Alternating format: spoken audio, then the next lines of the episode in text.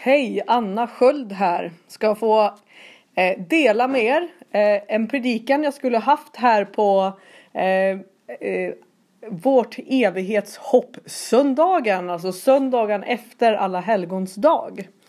Eh, och jag har valt att, att få läsa för er eh, ur Hebreerbrevets elfte kapitel från vers 13 till 16. Det står så här. I tro dog alla dessa utan att ha fått vad de hade blivit lovade. De hade bara sett det i fjärran och hälsat det och bekänt sig vara gäster och främlingar på jorden. Det som talar så visar att de söker ett hemland och om de hade tänkt på det land som de lämnat kunde de ha återvänt dit. Men nu längtade de till ett bättre land, ett i himlen. Därför skäms inte Gud för dem, utan de får kalla honom sin Gud. Han har ju grundat en stad åt dem. Temat för eh, den här predikan är alltså evighetshoppet eller vårt evighetshopp. Eh, och jag har under eh, sen sedan jag började predika faktiskt fått x antal teman som för varje år har har blivit min både träning och eh, extra eh, kära texter så att, så att säga. Och tre teman som har gått igen för mig under eh, nästan tio års tid har varit tre teman som jag tror också rymmer just evighetshoppet. Alltså detta att det finns ett löfte om en ny himmel och en ny jord eller att vi ska få skåda honom, vår Herre, ansikte mot ansikte. Och jag har eh, tittat på de här tre temana som jag har och jag tänkte berätta dem för er. För det första så har jag oftast fått predika på kyndelsemässodagen. Den här dagen då vi får följa med till templet och Symeon och Hanna berättar om vem denna eh, nyfödde Jesus är. Att han är ljuset som ska bryta in i en mörk tid. Som kommer med ljus till hedningarna. En uppenbarelse och en härlighet till den som vill tro. Och att komma med ljus in i mörker är ju ett, ett, både ett tecken på att någonting nytt har brutit in i vår tid, i vårt land och i våra liv och i vårt hjärtats mörker. Att Jesus bryter in på nytt i, i mänskligheten. Det är en historisk punkt när Jesus föds och kommer med riket. Hans älskade sons rike talar Paulus om. Att fadern har en son som har ett rike som bryter in i vår tid. Det är det första och i det här riket så finns det ett evigt liv som erbjuds. Alltså att döden på något sätt har blivit besegrat eller kommer att, att försvinna i det här riket. Utan här finns bara Gud, här finns bara liv, här finns bara det som är sant, det som är ljust och ett, ett, ett hopp som, eh, som liksom fullbordas i det kommande riket. Men riket med Jesus kommer när han föds, alltså ljuset bryter in i mörkret. Det andra stora temat som tillhör evighetens hopp som jag oftast har eh, fått predikat över innan är friheten i Kristus. Inte nog med att han kom och, och föds hit och tar sin boning bland oss. Han erbjuder också ett liv här och nu med honom. Alltså friheten i Kristus, att vandra här och nu. Det blir som att, att få ta del av, av hela rikets möjlighet och allt som finns i Guds rike.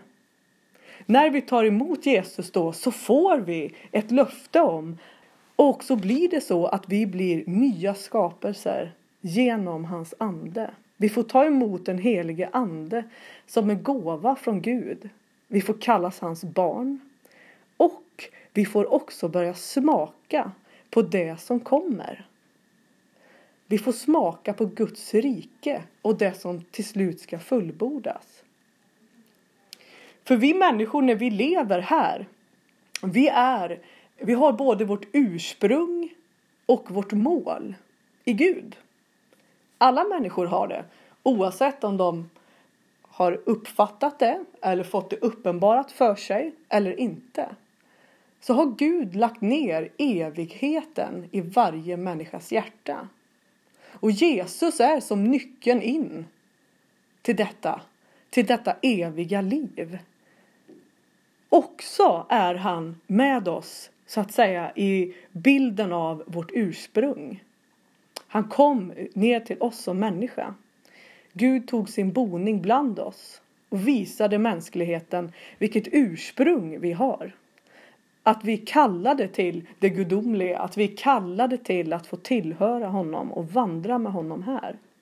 Men under vår vandring här så är vi också då kallade till att ha Gud som vårt mål. Och det är det Hebreerbrevets författare talar om. Han talar om och säger det som talar så visar att det söker ett hemland. Att man skulle vara en gäst och en främling. Att man nu tillhör ett annat rike. Att de här människorna som har vandrat förut, eh, före oss, som han nämner här, både är då eh, Mose och Abraham och Jakob och Noa. Människor som har vandrat med blicken fäst på, på Gud, sitt mål, men också har förstått sitt ursprung. Att när de berättar och, och lever på ett sätt så att de vore gäster och främlingar här på jorden så är det så att de visar på att de redan har sökt och anat ett annat land, ett annat rike som skall komma. Och det är detta de lever i och för. De längtar alltså till någonting som ligger framför dem som är ännu bättre. Till ett bättre land. Ett i himlen, skriver Hebreerbrevets författare. Och det kan vara svårt att tänka att, att vi skulle på något sätt ha fötterna på jorden men huvudet i himlen på något sätt. Men det är också en bild av att de har fått möta och smakat på Gud på jorden. Och att det är fullt möjligt för dig och mig att göra det idag. Att längta till himlen. Att lyfta vår blick, att fäst vår blick på det som är ovan. Tänk inte på det jordiska, tänk på det som är i himlen, skriver Paulus i ett ställe. Det är också en vädjan till att inte tappa på något sätt greppet eller börja anpassa oss efter den världen vi lever i. För då blir inte evangeliet synligt. Då blir den här brytningen som Kristus kommer med också fördold. För den stora hemligheten för, för alla folk och i ditt och mitt liv som har blivit uppenbarat det är att vi är älskade av Gud. Att du och jag kan vandra med honom idag. Att han både är vår ursprung och vårt mål. Vi ska inte anpassa oss efter denna världen. Utan vi ska leva som att vi tillhörde en annan. Jesus ger oss verktyg. Han är med oss via den helige Ande. Han ger oss kraft och styrka. Och han också öppnar upp det här evighetslängtan som är lagt i varje människas hjärta. Där kan vi få be och bli utmanade till att hur ser jag på det himmelska? Hur ser jag på det som ligger framför? Kan jag sträcka mig med min tro som jag har fått vidare framåt och se vad, vad Gud har för mig? Att inte anpassa sig efter denna världen handlar ju också om att, att våga tro på Guds löften. Att se på något sätt in också i det osynliga och våga tala till det och leva i det. Jesus ger oss verktyget också i bönen Fader vår, här och nu. Där har vi ju en vers som han lär sina lärjungar. Att just våga vandra här och förstå vad det innebär att ha Gud som mål. Eller det himmelska för sin blick. Han lär ju oss lärjungar att be Låt din vilja ske på jorden så som i himlen. Det är inte någonting som ska ske hur långt ifrån oss som helst eller i någon annan tid. Det kan vara så. Men det är också en bön som vi kan få vara med och be här och nu. Att låt din vilja ske på jorden så som i himlen. Att det himmelska på något sätt kommer ner till oss. Att vi får ta del av, av Gud också här och nu. Att han ger av sig själv till dig. Här behöver vi öppna våra hjärtan för det Gud har tänkt i vår tid, i ditt liv, i din kallelse här på jorden att följa honom. Man längtade efter ett bättre land. Man längtade men verkade samtidigt för Guds syften. Det var inte så att några av de här som rabblades upp här i Hebreerbrevets kapitel 11 innan det jag läste var några som stod still eller låg på soffan och väntade på Herren eller bara drömde sig bort till himlen. Utan det här är män och kvinnor som har levt här och nu med syftet av det högre att nå målet Gud själv. Alltså människans ursprung och mål, det är Herren. Så de levde här, arbetade, slet, bad, skaffa familj. Mycket av det vi, du och jag gör. Men de hade sin blick fäst på något annat. Och förstod att det finns något som kommer, som kommer vara ännu bättre än det vi smakar på här och nu. Friheten i Kristus, alltså att leva här och nu, det är att vandra med honom mot målet att också bli med honom eller lik honom. Det är det du och jag lever i just nu. Att bli lik honom. Och då måste vi ju lyfta vår blick och se vart är han? Var befinner sig han? Vad har han eh, förberett för oss? Här finns många bilder av himlen och att i Faderns hus finns många rum. Eller att Jesus han sitter på Gud, Fader allsmäktig högra sida. Att det är härlighet är han krönt. Att det finns en, en, hel, en hel värld av, av eh, där han fullständigt regerar. Och att han har kallat oss in i den, i sitt rike, där han tronar, där han är. Och att du och jag får leva här med att bli lik honom. Att få ha honom som vårt mål som älskar oss mest.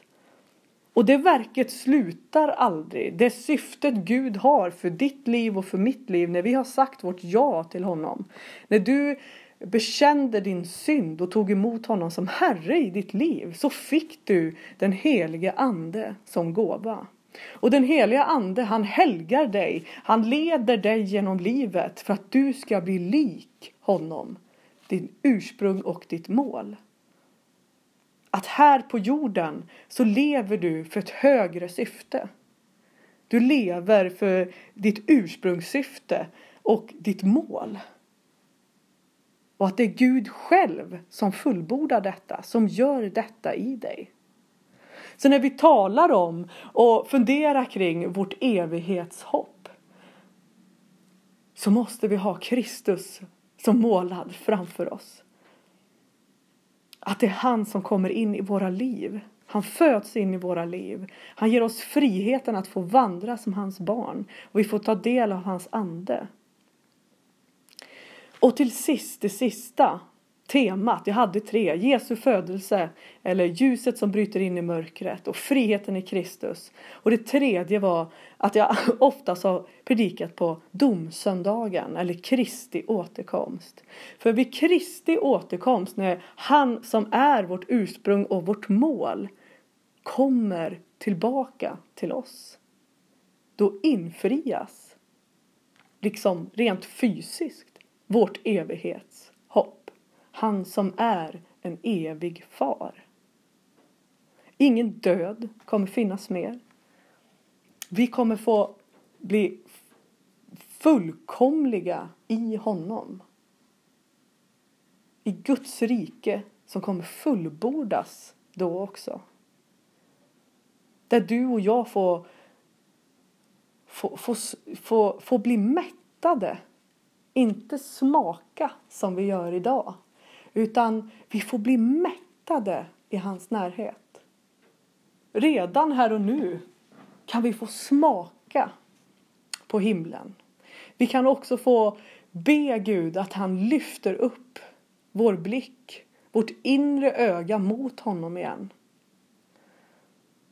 Be helig ande att både få fortsätta sitt verk, att inte du ska stå i vägen och anpassa dig inte efter denna värld, utan låt Gud få komma och ta sin boning och leda dig där du är just nu. Och våga be just den bönen. Låt din vilja ske på jorden så som i himlen. Och Herren kommer till dig. Att våga leva här och nu hör ju också till att ha ett evighetshopp. Att du och jag både får längta till det som ligger framför men också verka för Guds syften här och nu.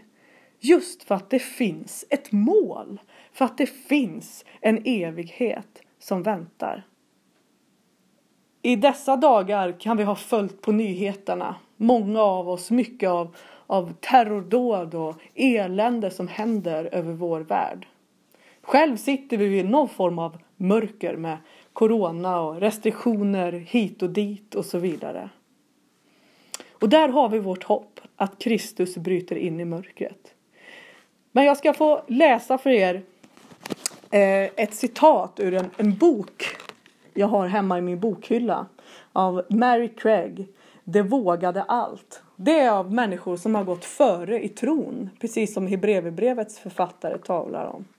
Människor som på olika sätt har levt med blicken på Guds rike, på frälsningen, på vem Kristus är i deras liv. Det är människor som på olika sätt har offrat sig eller dött för sin tro i den här boken. Och det finns ett citat i boken som lyder så här. Hur kommer det sig att det är mitt ibland en majoritet som hänger sig åt desperation eller kompromisser eller som dör i fånglägren med hat i hjärtat och eder på läpparna. Alltid finns några sällsynta varelser som är beredda att älska bortom allt vett.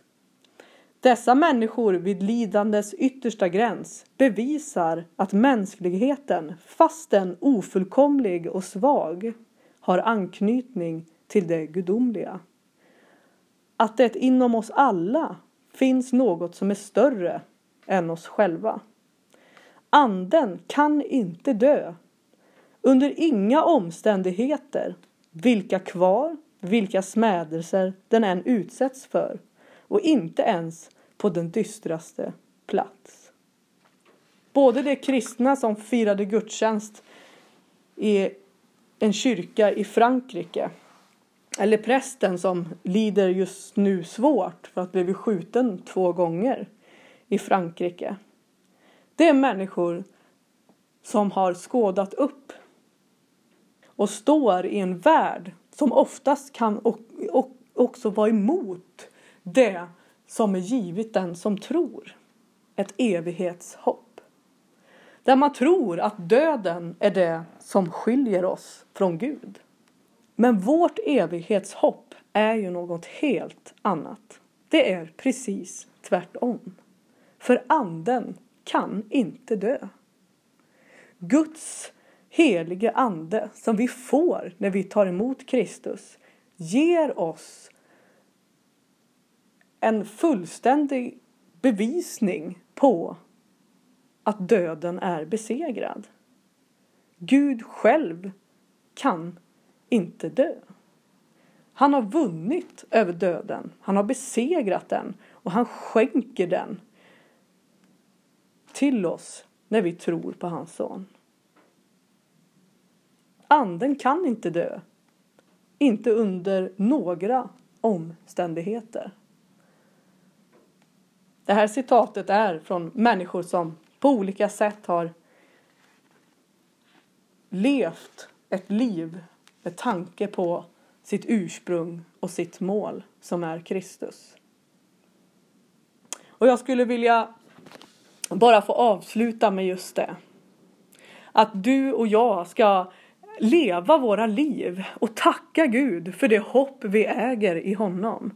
För den nyckeln som Kristus är till ditt hjärta. Att du frimodigt kan leva här och nu och be att Gud ska få leda dig och att du ska få verka för hans syften här på jorden. Be också om hjälp att inte anpassa varken, varken evangeliet eller ditt eget liv till den här världen. Utan du ska nu leva för Kristus. Jag vill avsluta med att bara få dela min, en av mina favoritsalmverser. Det är från Saltarsalm, salmen 17 och vers 15.